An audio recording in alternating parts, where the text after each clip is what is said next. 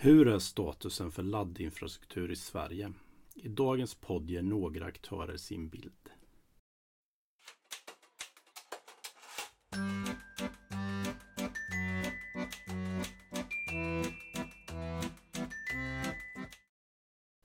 Våra första gäster presenterar sig och berättar om sin bild av laddinfrastrukturen i Sverige. Anders Levald. Och Martina Wikström på Energimyndigheten. Och vi jobbar sedan 2015 med samordning av laddinfrastruktur i Sverige.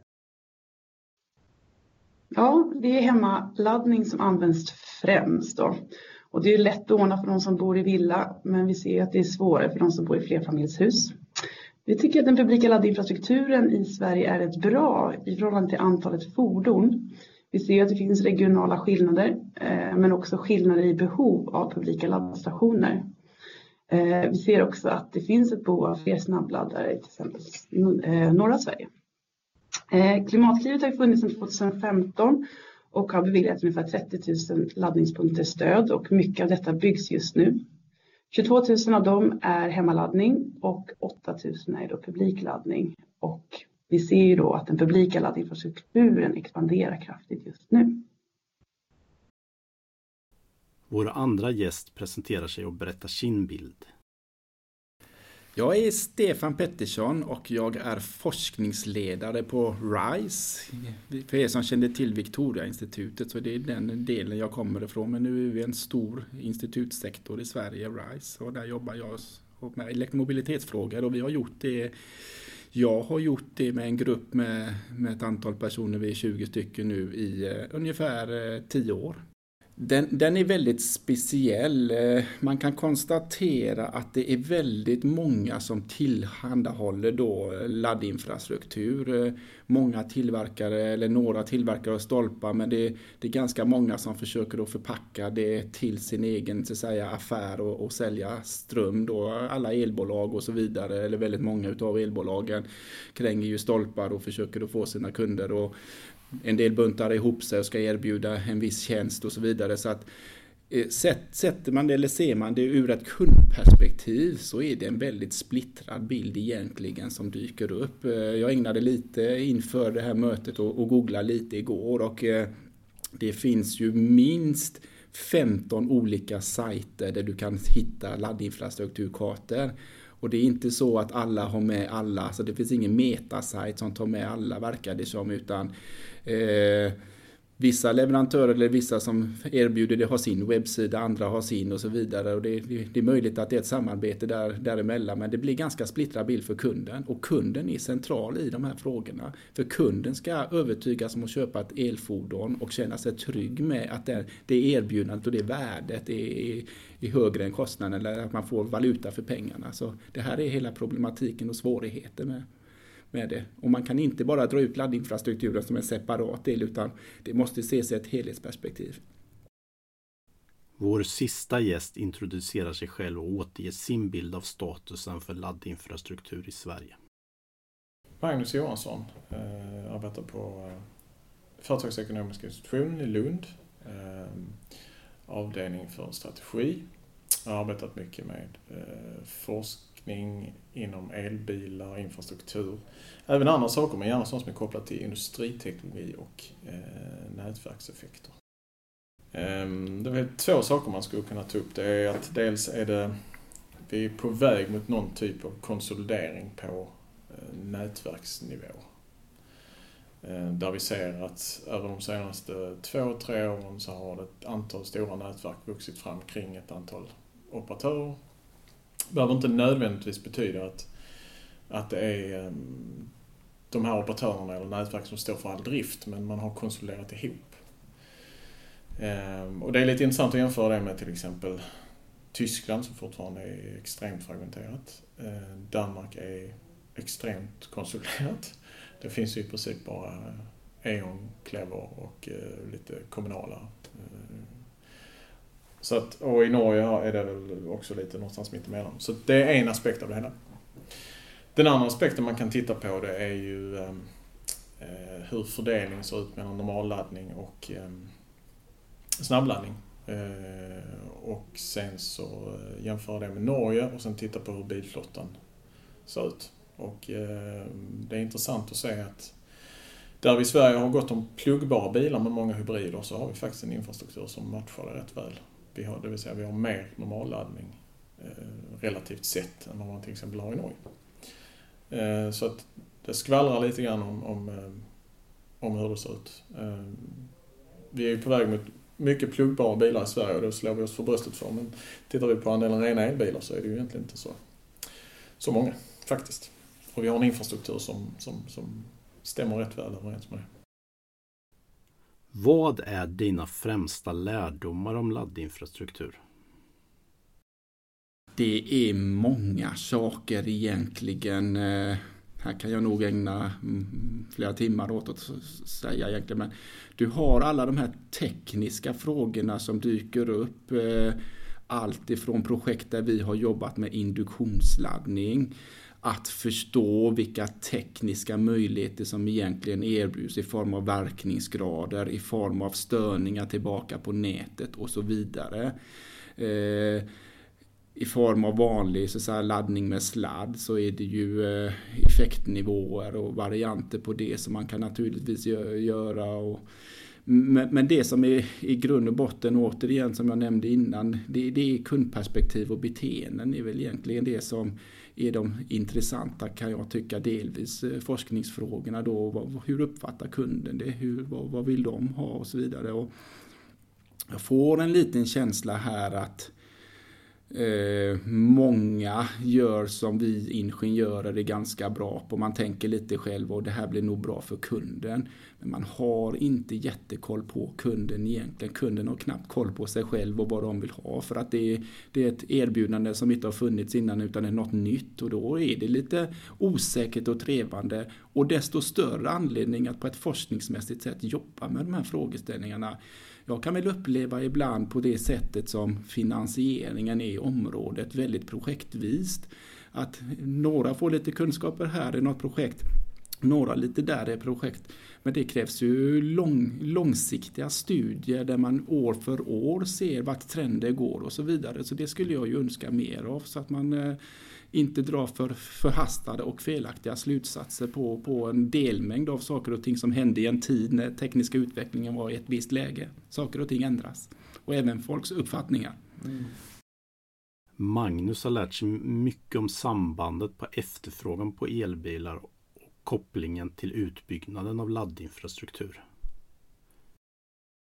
Dels är det, jag har tittat mycket på nätverkseffekterna, det vill säga hur hänger laddinfrastrukturen just ihop med, med bilflottan och kanske framförallt försäljningen av bilflottan, eh, eller bilarna.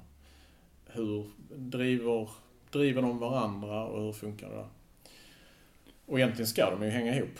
Om man tittar rent traditionellt så eh, hänger det ju ihop även med eh, traditionella eh, förbränningsmotorer, de bilarna och eh, bensinstationer till exempel. Där är ju en koppling sen, sen ja. Så det är ju inget nytt egentligen. Och det är ju ganska tydligt att vi, vi har ju den typen av effekter här också. Problemet är väl att man har tagit den här, den kopplingen vi hade till förbränningsmotorn, den har man tagit lite grann för givet. Eh, man har inte tänkt på den för det är trots allt många, många år sedan den eh, strukturen etablerades. Så att det är en lärdom för mig att det stämde så väl när man började titta på data att, att det här hänger ihop. Och det exemplet jag nämnde innan att, att uh, infrastrukturens karaktäristik i Sverige jämfört med Norge till exempel stämmer rätt så bra överens med bilflottan. Det, det är en eh, aspekt av det hela. Sen kan man även bryta ner det och titta på um, vilken typ av, um, vad ska man säga, hur, vilka, till exempel vilka geografiska områden som eh, infrastrukturen har investerats i och vuxit fram eh, kontra hur, vilken mängd bilar vi har, eh, el, rena elbilar eller laddhybrider i de här områdena och eh, se att det finns kopplingar där också. Eh, och det pratas ju en del om att, jag läste en rapport nyligen, jag tror det var den här McKinsey-rapporten som kom för ett tag sedan, där man tyckte att i Europa så var man förhållandevis reaktiv i eh, laddinfrastrukturinvestering. Samtidigt så finns det studier och, eh, som, och även en del som jag har gjort där, där man faktiskt visar att är man proaktiv så har det nog en viss effekt ändå på bilflottan. Så en, en tidigare utrullning, eh, eller mer ambitiös utrullning, tenderar nog ändå att ha en viss effekt på upptaget av elbilar.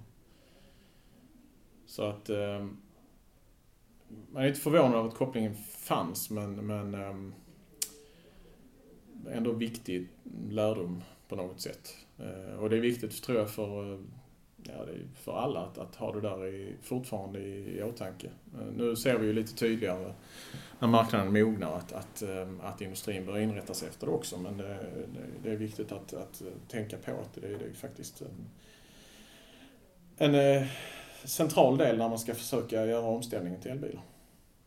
Att få det där att hänga ihop. Anders lyfter upp en annan fråga. Att laddning är något annat än att tanka bilen. Många tänker fortfarande att man kan lösa frågan genom att ladda snabbare eller ha större batterier. Vi ser snarare att laddbeteendet av fordon liknar den laddning man gör med mobiltelefoner. Men det här är en pedagogisk utmaning i samhället och det är svårare att greppa än vad vi förstod först. Vilka är de vanligaste frågorna som branschen diskuterar som utmaningar kring laddinfrastruktur? Ja, ehm, för operatörerna så är det ju fortfarande mycket tal om lönsamhet naturligtvis. Det är trots allt ganska stora investeringar och ehm, ja, eh, det ger inte så mycket pengar tillbaka än. Ehm, det är även mycket, många parametrar som är uppe i luften fortfarande ehm, som kommer att påverka hur, hur marknaden kommer att se ut och hur man kommer att organisera marknaden. Där är frågor om affärsmodeller, Eh, vi vet att, eh, som jag nämnde, så pågår det i Sverige en typ av ska man säga, konsolidering där vi skapar större nätverk. Eh, på sikt så bör den konsolideringen ske i Europa också. Och hur kommer det att hända? Det vet vi fortfarande inte. Vi ser olika gränsöverskridande projekt som ska skapa liksom transportkorridorer och liknande. Men, men vad kommer att hända? Och sen har jag sådana frågor som roaming. Hur kommer det att lösas? Kommer det att lösas via någon gemensam standard, eh, formell eller informell? Eh, hur kommer det att påverka marknaden? Gör det att roamingen blir fullkomligt eh, alltså seamless? Det kan ha stor inverkan på hur marknaden kommer att se ut. Det vill säga, kommer vi fortsätta se konsolidering eller kommer det kanske finnas utrymme för mindre spelare? Det är enormt svårt att säga. Det är många parametrar som är uppe i luften. Vi har ju redan många försök på affärsmodeller eh, där man via affärsmodellen försöker lösa de här problemen. Då, genom liksom paraplylösningar för betalning och liknande. Eh, och integrera in olika spelare i ett, ett nätverk inklusive betalning. Så att eh, det är mycket sånt som hänger i luften. Plus naturligtvis kopplingen till Connected Car-lösningar. Hur löses det? All den här informationsfrågan eh, är stor också. Det finns mycket man kan göra där för att eh, lösa många av problemen och kanske bli effektivare i sina investeringar också när det gäller infrastruktur. Stefan lyfter upp avsaknaden av samarbete mellan branscher. Det är lite intressant. Åtminstone i Sverige är min upplevelse att fordonsbranschen, i varje fall personbilsbranschen, jobbar på sin front. Elbranschen med laddstolpe tillverkare och så vidare jobbar på sin front. Vad som egentligen behövs är ju att man får samtliga aktörer, de är ju många då, men åtminstone i projekten att man får dem tillsammans. Man, man behöver förstå varandras perspektiv. Och det går också att blanda in så att säga, telekom här för uppkoppling och den tjänstifieringen som sker kring detta är också viktigt. Eh, så få alla att börja förstå varandra, då kan du först börja erbjuda riktigt bra tjänster. Eh, så det tror jag är, är en sak som, eh, som man ska fundera på. Sen ekonomin i detta är ju centralt. När jag minns tillbaka när jag började här 2009 med de här frågeställningarna så var jag ganska tidigt i Danmark på en konferens och då var det en, en kille där som sa ganska klart och tydligt det kommer aldrig att bli ekonomi i det här med att tillhandahålla laddinfrastruktur. Och jag tror fortfarande att det stämmer. och det som jag själv kan tycka är lite olyckligt ibland är ju att jag förstår ju förstås att folk som erbjuder detta gör ju inte det av god vilja utan att någonstans måste man ju tjäna sina pengar. Men det är lite olyckligt men ändå gå ut med ganska mycket högre priser för elen om det är att du ska ladda i en publik laddinfrastruktur än om du gör det själv i hemmet. För det sänder ett signalvärde som är lite olyckligt eh, folk har ju en viss förmåga att trygga väldigt mycket på att ge en omställning på de sakerna som är negativa. Så du kan ha tio bra saker och en dålig så det är den dåliga det pratas om.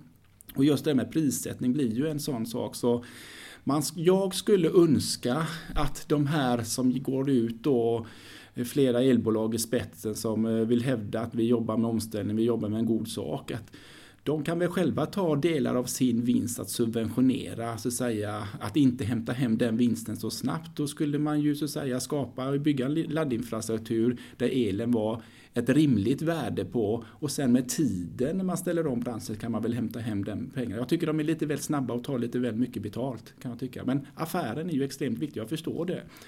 Och det är väl här eh, så att säga, staten spelar en roll att, att vara med att subventionera det och få igång det. Martina tar upp frågan att många funderar kring kopplingen elnät och laddinfrastruktur. Ja, men just nu så skulle det väl vara att elbilsladdning totalt kommer knäcka elnätet. Eh, och det tror ju vi att det kommer finnas gott om tid att hantera. Eh, även om introduktionen av laddfordon införs relativt snabbt så är det ju ingen stor ökning av elanvändningen.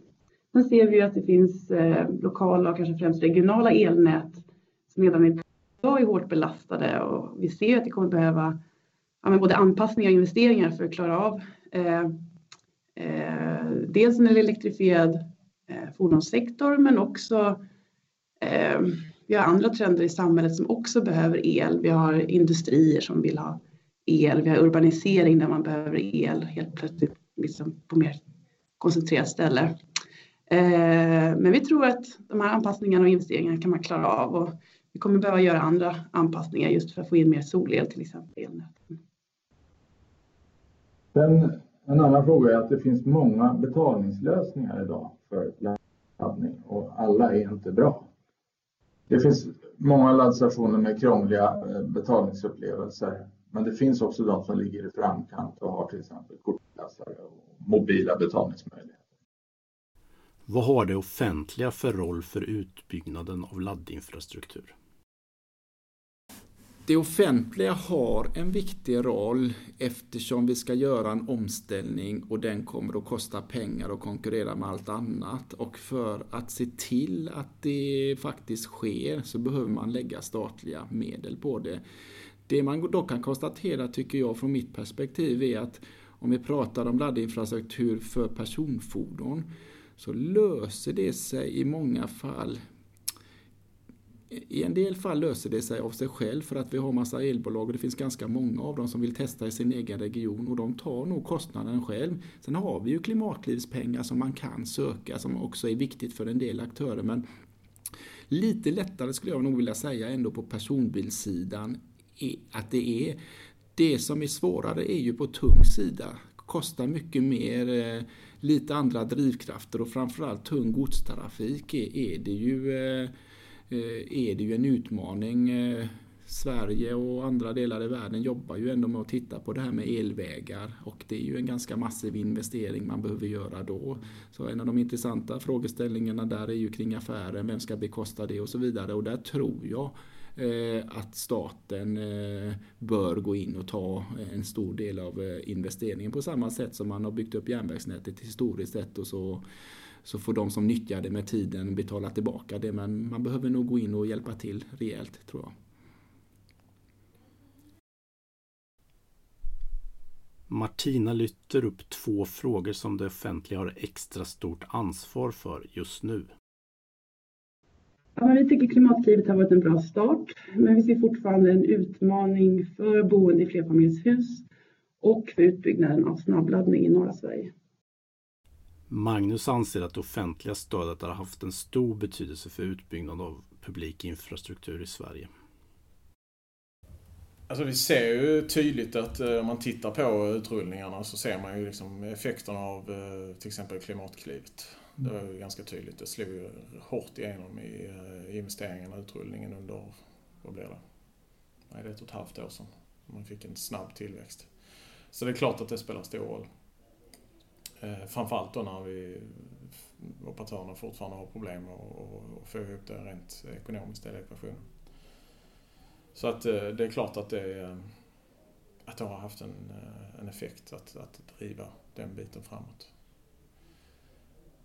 Och hur det sen ser ut framåt ehm, så är det ju, det är ju rent finansieringsmässigt. Men sen är frågan att när det, en sak jag tänker på är ju när det gäller hemladdning eller laddning för vid parkering eh, vid hemmet. Och det är naturligtvis så att Villaägare och liknande är ju, är ju en fråga. Och sen har vi flerfamiljshus som är egen parkering.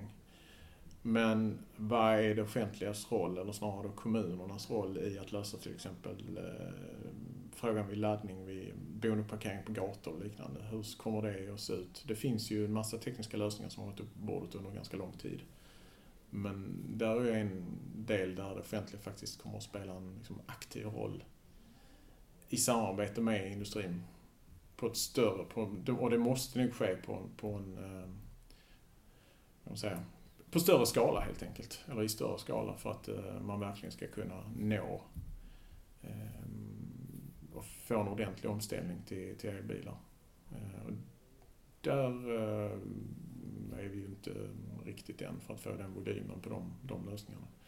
Utan det är ju traditionellt så att det här rullas ut i, i eh, förortsområden och liknande. Vilket naturligtvis också är kopplat till att eh, hur bilmarknaden fungerar och hur man säljer bilar. Det vill säga att man säljer lättare premiumbilar och de säljer man till människor i förorten. Eh, de lite mer välbeställda förorterna. Så att där är en, en koppling som driver det också. Men ska man verkligen eh, få en omställning så, så, så, eh, måste man ju hantera den problematiken också. Och där kommer det offentliga att behöva spela en roll helt enkelt.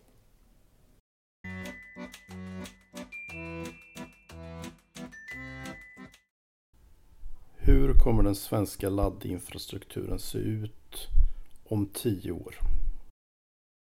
Troligtvis är den inte så synlig ute i samhället utan det är framförallt eh, laddning på privata parkeringar som kommer att vara väldigt, väldigt byggd. Vi kommer alltså inte se så jättestor skillnad från idag. Stefan funderar en hel del kring laddinfrastrukturen för tunga fordon.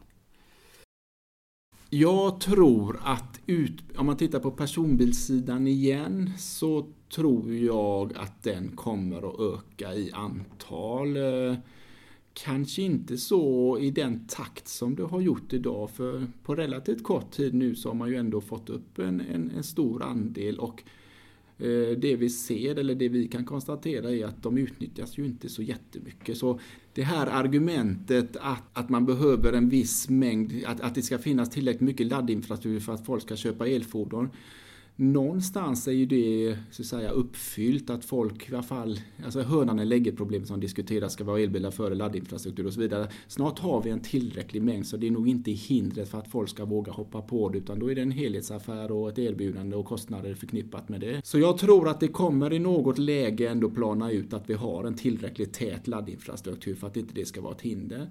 Däremot så tror jag då på tung sida, det, det vet vi ju med de satsningarna initierat i, och våra politiker att vi ska jobba med elvägar och så vidare och Trafikverket har medel för det.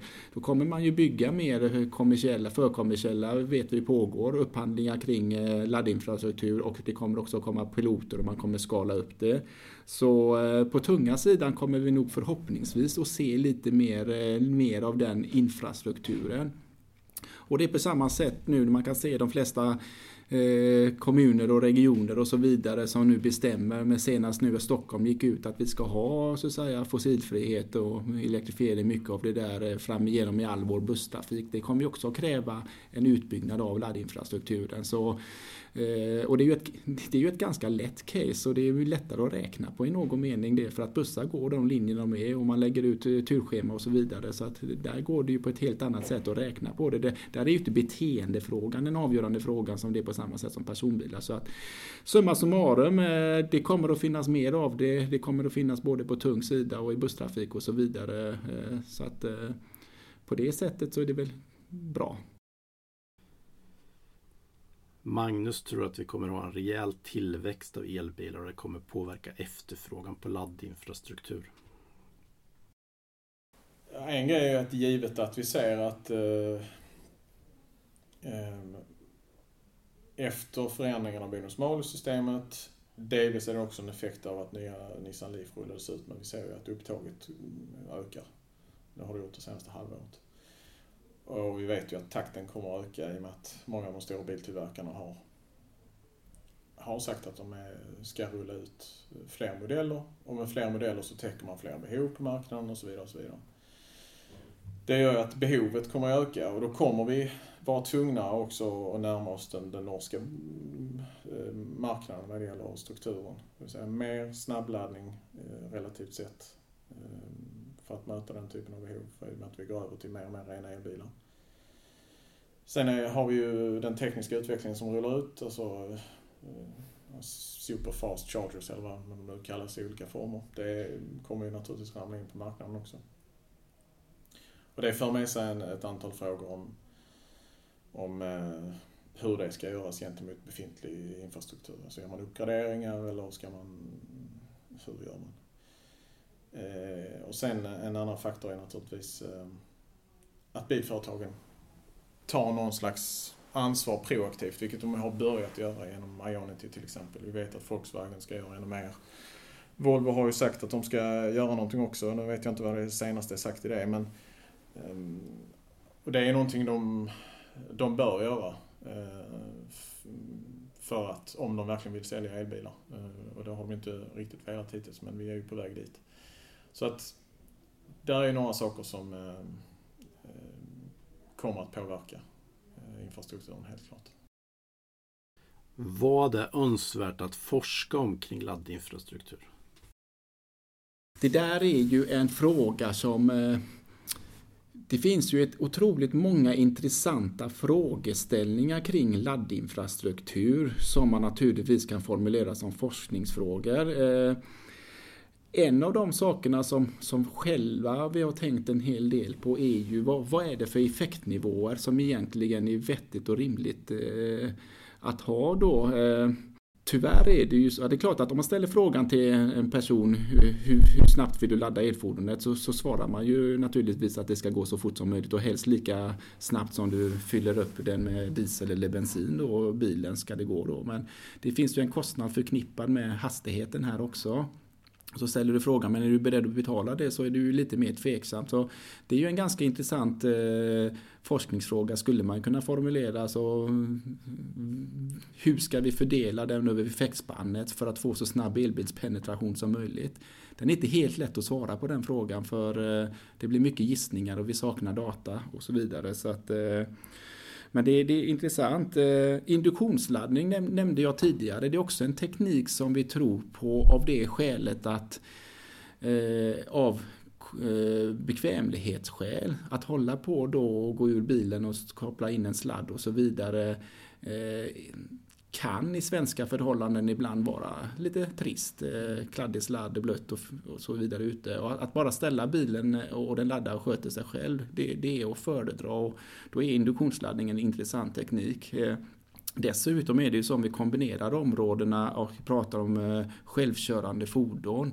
Vi kan ju inte rationalisera bort föraren, bilen åker och, och, ska parkera sig själv och ladda och där behöver vi en person som stoppar i en sladd. Utan det måste ske automatiskt också i framtiden. Så, eh, jag tror mer att eh, forska kring eh, både teknikfrågor och även beteendefrågor kring andra tekniker som induktionsladdning är intressant.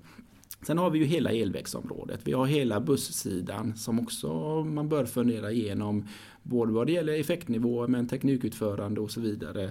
Eh, som man kan jobba väldigt mycket kring. Och, och just på tunga sidan och elväggar så finns det ju en massa frågeställningar som berör allt ifrån beteende till affär och, och vad kostar det och vad vinner man på det och vilket erbjudande och så vidare. Så det, det finns jättemycket där. Jag kan också nämna det att vi som forskare, alltså många kan ju tycka massa saker men vad vi försöker göra är ju naturligtvis att eh, baserat på datainsamling dra massa slutsatser. Ett av bekymren i området är att det där med datainsamlingen och komma åt datan för allting som görs är ju en eh, kostsam och eh, arbetskrävande uppgift. Jag tycker att om man skulle backat bandet lite så skulle man ju önska att de finansiärerna som är med här och sponsrar, så att säga, subventionerar eh, laddinfrastrukturuppbyggnaden, att de hade ställt krav på att vi bekostar detta lite, men vi vill ha tillgång till datan. Hade det varit så hade vi haft mycket enklare möjligheter att dragit vettiga och generella slutsatser.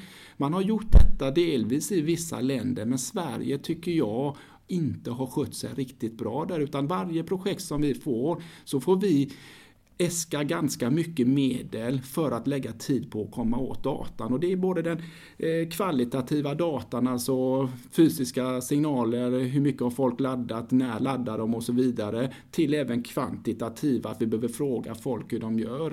Eh, den, den, den, får man nog göra ändå, att ställa frågor till folk och så. Men just den kvalitativa datainsamlingen, att komma åt mätdata, hade varit mycket enklare om det i ett tidigt skede hade samlats in den typen av data. Så det hade jag önskat.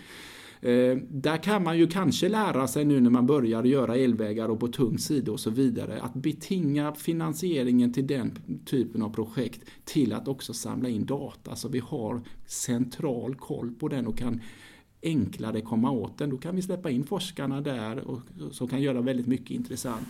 Så det tycker jag är ju en lärdom som vi borde ha dragit redan tidigare genom att snegla på andra länder. Stefan tänker speciellt på de speciella utmaningarna som mindre städer har. Eh, andra saker som är väldigt intressant som vi dyker upp i är att typiskt är det Stockholm, Göteborg, de regionerna och aktörerna som håller på där, som oftast är de eh, där man gör de första så att säga initiala trevande försöken eh, forskningsmässigt och så vidare. Och sen vaknar mindre kommuner upp då och tycker men det vill vi göra här också. Ett problem vi då upplever är att när vi försöker att formulera forskningsprojekt för mindre kommuner så får vi oftast på båten just av anledningen då ja men det där har vi redan testat i Stockholm eller Göteborg och vad, vad är det nya i detta? Och det kan man kanske förstå att, eh, att man har den åsikten men det är olika förutsättningar för olika aktörer så att jag tycker man skulle varit lite mer frikostiga och hjälpa de små kommunerna också lösa sin uppgift.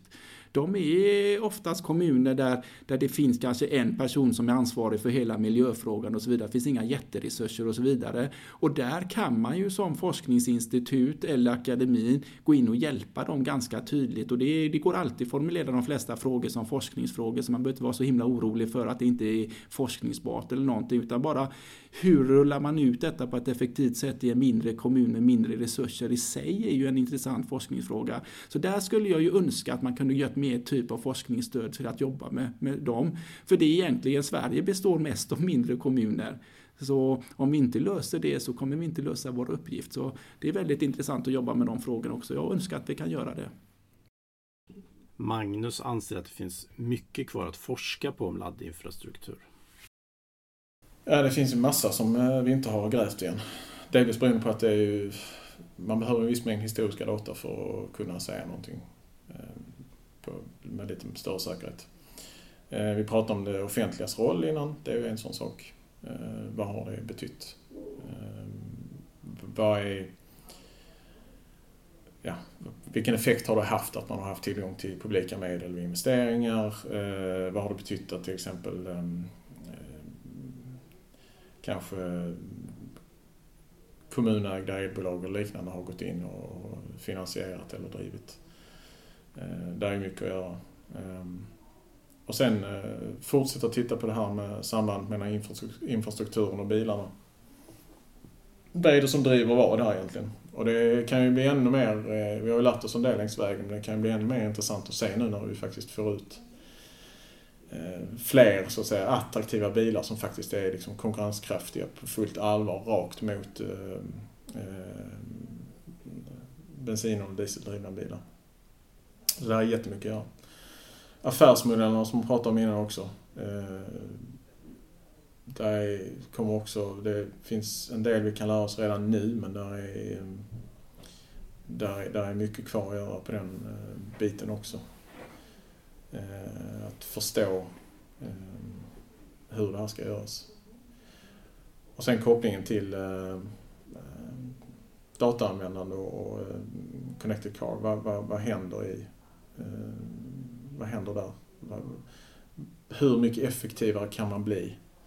Ehm, som för bilanvändarna, för eh, operatörerna eh, kan man ehm, säga, optimera investeringar i infrastruktur, kan man hjälpa till att eh, optimera utnyttjandet av infrastrukturen, den energi som faktiskt går åt och används, även om naturligtvis det är ett, ett stort steg att, att byta till, eh, till eldrift. Eh, där finns jättemycket som kan, som kan göras. Finns det något mer du vill säga om utvecklingen av laddinfrastruktur i Sverige? Ja, det, det som jag tycker blir en väldigt spännande utveckling är ju den här utvecklingen som har delvis med laddinfrastrukturen att göra eller åtminstone elfordon och sånt i allmänhet. Men när vi kopplar ihop det till det smarta hemmet. Eh, när du har, eh, jag menar, priserna på solpaneler minskar ju. Det kan ske en ganska snabb utveckling när folk inser att solpaneler faktiskt på en ganska kort tidshorisont snart är en lönsam affär. Och när folk börjar investera solpaneler i ökade mängd på, på villor, både på de som har villor men även i att man kanske går ihop i vissa områden och sätter ut i, på en åker eller någonting och, och delar på det och så vidare. Så, så, så kommer det direkt att bli massa frågeställningar. Dels lokalt i ditt hus om du bor i en villa. Solpaneler på taket, en elbil ihop med det, batterilagring. Hur gör jag detta på ett effektivt sätt? För det som driver kostnaden i ett hus är bland annat eh, maxeffektuttag. Det är till och med så att vissa elbolag numera tar kostnader för elen baserat på högsta belastningen månaden innan. Så att det finns ett intresse att man jämnar ut belastningen och göra det lite mer smart. Och elbilen är ju ett eh, batterilager som redan finns, som inte alltid är tillgängligt. När bilen inte är där så finns den inte och när den är där så kan du utnyttja den. Så frågeställningar kring detta tycker jag är riktigt intressant och här möter ju fordonsbranschen eh, andra aktörer och andra branscher till slut behöver ju fordonsleverantören förstå vad en värmepumpstillverkare, hur de resonerar och i slutändan behöver man ju komma överens om hur ska vi smeta ut laddningen? Och där finns massa intressanta forskningsfrågor, både vad gäller interface, både mot kund, hur, eh, hur ska du göra detta på ett tydligt sätt så de vet vad de gör och hur de ställer in systemet. Det finns en massa intressanta forskningsfrågor bara på vilken typ av information utväxlar man mellan de olika enheterna. Hur kopplar man ihop saker och ting i molnet och så vidare. Eh, ska vi ha ett energilager i huset eller ska vi inte? Vad är kostnadsfördelarna eller nackdelarna med det? Så det finns massa frågeställningar kring det smarta hemmet. Sen kan du vidga detta från det smarta hemmet och se det ur ett elnätsperspektiv. Eh, det kommer att vara så, säg att du har som, som person eh, stort tak och du faktiskt installerar solpaneler som ger, ger dig en större effekt än vad eh, du kanske själv behöver. Grannen kommer ju snegla lite avundsjukt och ställa frågan, kan inte jag dra in en kontakt till mitt hus?